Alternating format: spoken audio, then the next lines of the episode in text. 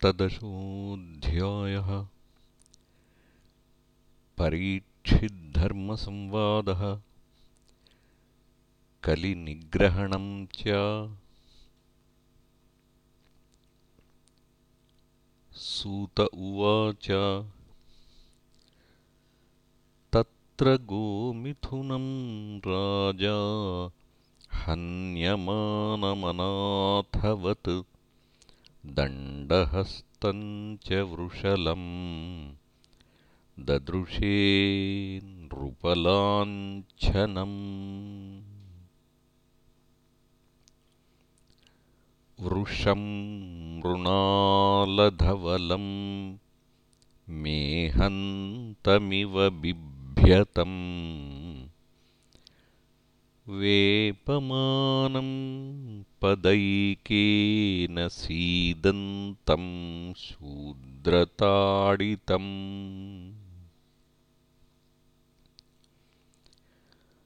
गाञ्च धर्मदुघां दीनां भृशं शूद्रपदाहताम्। विवत्सां साश्रुवदनां क्षामां यवसमिच्छतीम्। पप्रच्छरथमारूढः कार्तस्वरपरिच्छदम् मेघगम्भीरया वाचा समारोपितकार्मुकः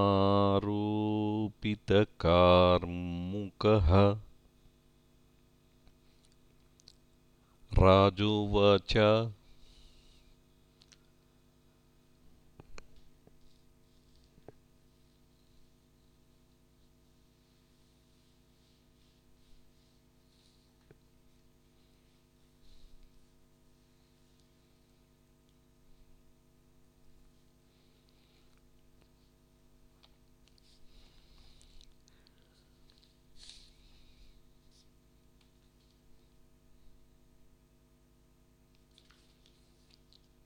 कस्त्वं मच्छरणे लोके बलाद्धंस्यबलान् बली।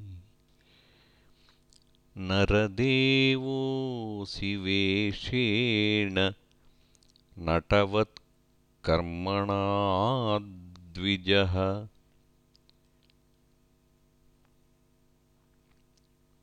यस्त्वं कृष्णे गते दूरं सह गाण्डीवधन्वना।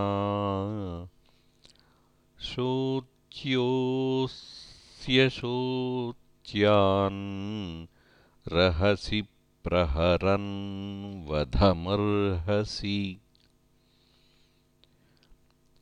त्वं वा मृणालधवलः पादैर्न्यूनः पदाचरन् वृषरूपेण किं कश्चिद्देवो नः परिखेदयन्।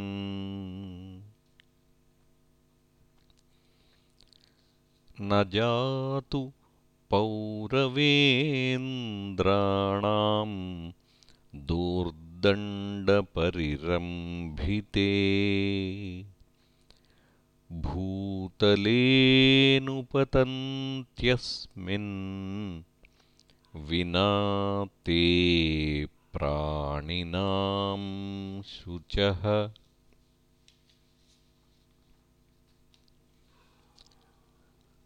मा सौरभेयानुशुचो व्येतु ते वृषलाद्भयम्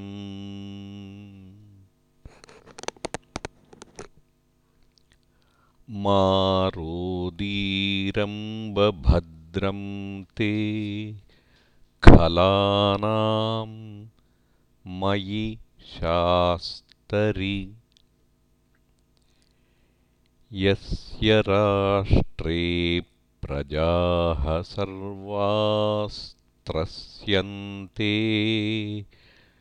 साध्व्यसाधुभिः तस्य मत्तस्य नश्यन्ति कीर्तिरायुर्भगो गतिः एष राज्ञः परो धर्मो ह्यार्तानाम् आर्तिनिग्रहः। अत एनं वधिष्यामि भूतद्रुहमसत्तमम्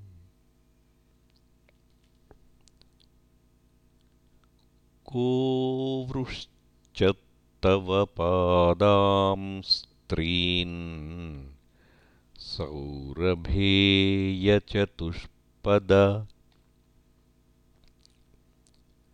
मा भूवंस्त्वादृशा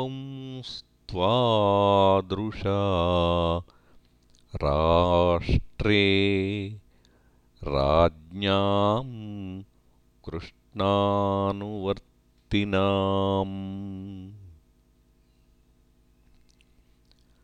आख्याहि वृषभद्रं वः साधूनामकृतागसाम्।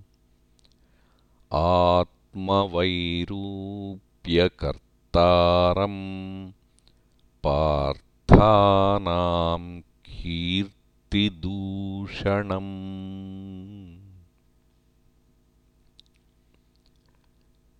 जनेनागस्य घं युञ्जन् सर्वतोऽस्य च मद्भयम्। साधूनां भद्रमेव स्यात् असाधुदमने कृते। अनागस्विह भूतेषु य आगस्कृन्निरङ्कुशः। आहर्तास्मि भुजं साक्षात् अमर्त्यस्यापि साङ्गदम्। राज्ञो हि परमो धर्मः स्वधर्मस्थानुपालनम्। शासतोऽन्यान्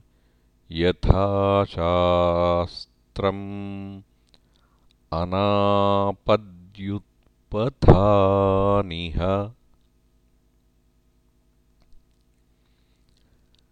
धर्म उवाच एतद्वः पाण्डवेयानाम् युक्तमार्ताभयं वचः येषां गुणगणैः कृष्णो दौत्यादौ भगवान् कृतः। न वयं क्लेशबीजानि यतः स्युः पुरुषर्षभ।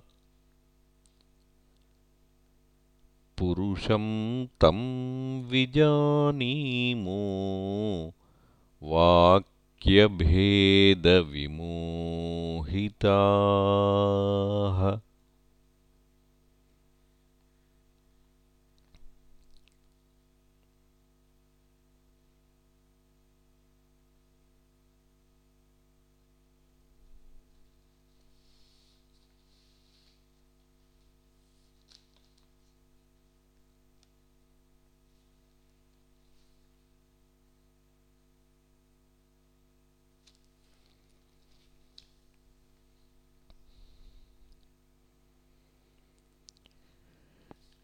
केचिद्विकल्पवसना आहुरात्मानमात्मनः दैवमन्ये परे कर्म स्वभावमपरे प्रभुम्। अप्रतर्क्यादनिर्देश्यादिति केष्वपि निश्चयः। अत्रानुरूपम् राजर्षे विमृशस्वमनीषया।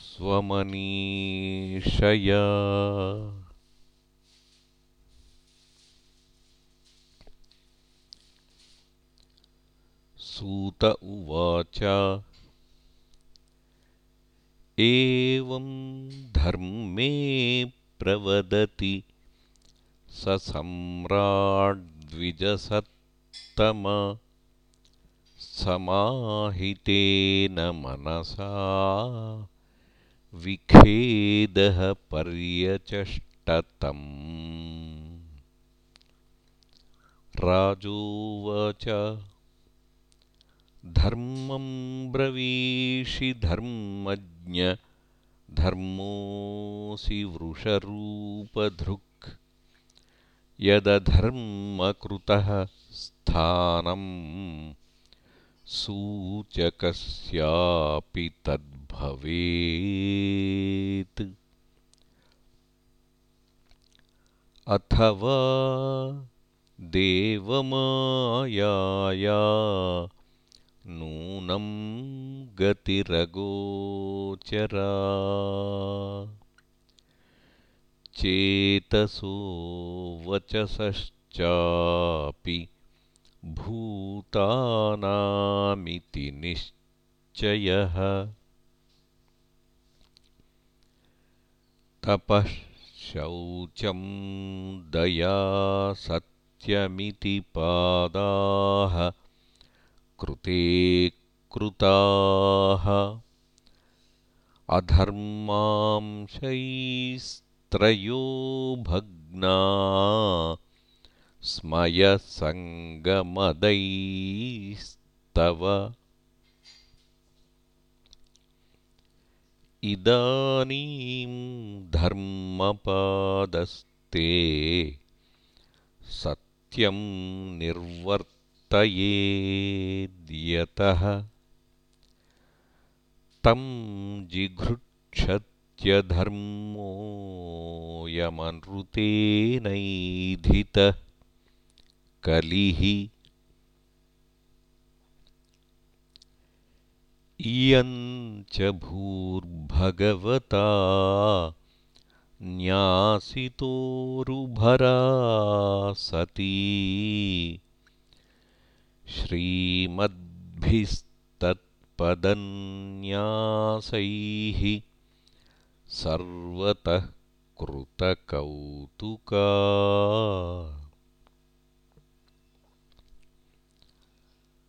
शौचत्यश्रुकला साध्वी दुर्भगेवोज्झिताधुना अब्रह्मण्या नृपव्याजाः शूद्रा भोक्ष्यन्ति मामिति।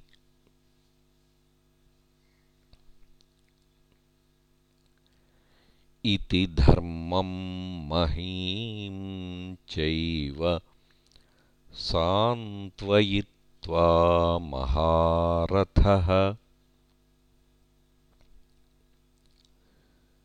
निशातमाददे खड्गम्। कलये धर्महेतवे। तं जिघांसुमभिप्रेत्य विहाय नृपलाञ्छनम् पादमूलं शिरसा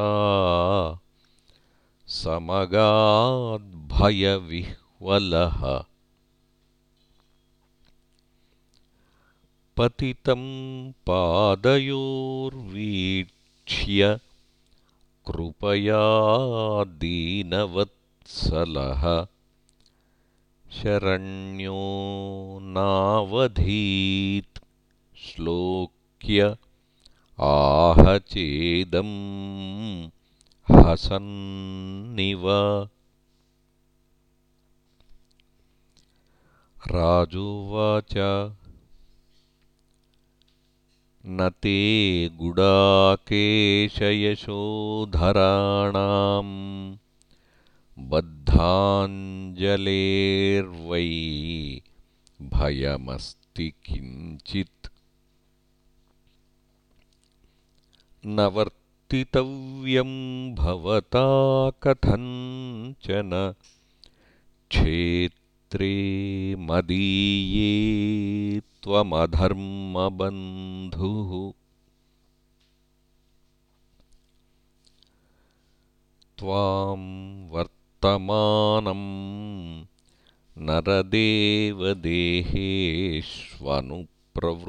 नरदेवदेहेष्वनुप्रवृत्तोऽयमधर्मपूगः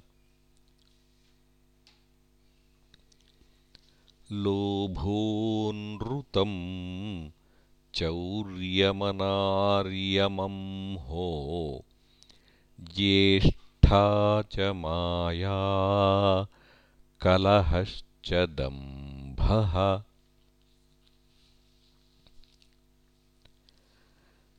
न वर्तितव्यं तदधर्मबन्धो। धर्मेण सत्येन च वर्तितव्ये।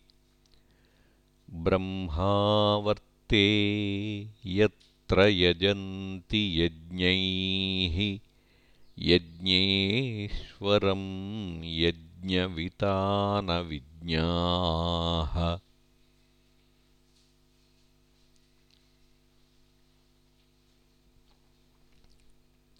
यस्मिन् हरिर्भगवानिज्यमान इज्यामूर्तिर्यजतां शन्तनोति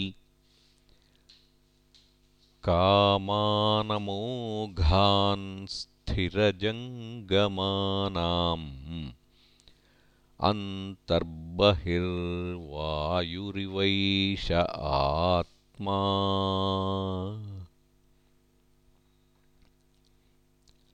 सूत उवाच परीक्षितैवमादिष्टः स कलिर् जातवेपथुः तमुद्यतासि माहेदम् दण्डपाणिमिवोद्यतम्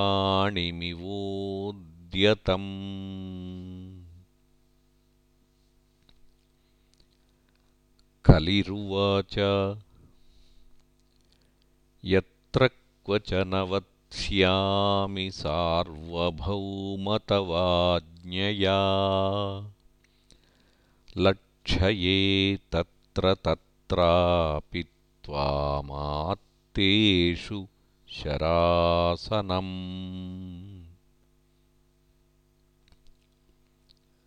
तन्मे धर्मभृतां श्रेष्ठस्थानं निर्देष्टुमर्हसि। यत्रैव नियतो वत्स्ये आतिष्ठंस्तेऽनुशासनम् सूत उवाच अभ्यर्थितस्तदा तस्मै स्थानानि कलये ददौ। द्यूतं पानं स्त्रियः सूना यत्राधर्मश्चतुर्विधः।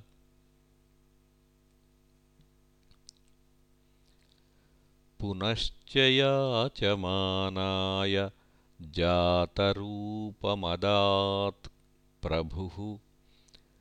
ततोऽनृतं मदं कामं रजो वैरं च पञ्चमम्। अमूनि पञ्चस्थानानि ह्यधर्मप्रभवः कलिः। औत्तरेयेण दत्तानि न्यवसत्तन्निदेशकृत्। अथैतानि न सेवेत बुभूषुः पुरुषः क्वचित्। विशेषतो धर्मशीलो राजा लोकपतिर्गुरुः वृषस्य नष्टां स्त्रीन् पादांस्तपः शौचं दयामिति। प्रतिसन्दध आश्वास्य महीं च समवर्धयत्। स एष एतर्ह्यध्यास्ते आसनं पार्थिवोचितम् पितामहेनोपन्यस्तम् राज्ञारण्यं विविक्षता।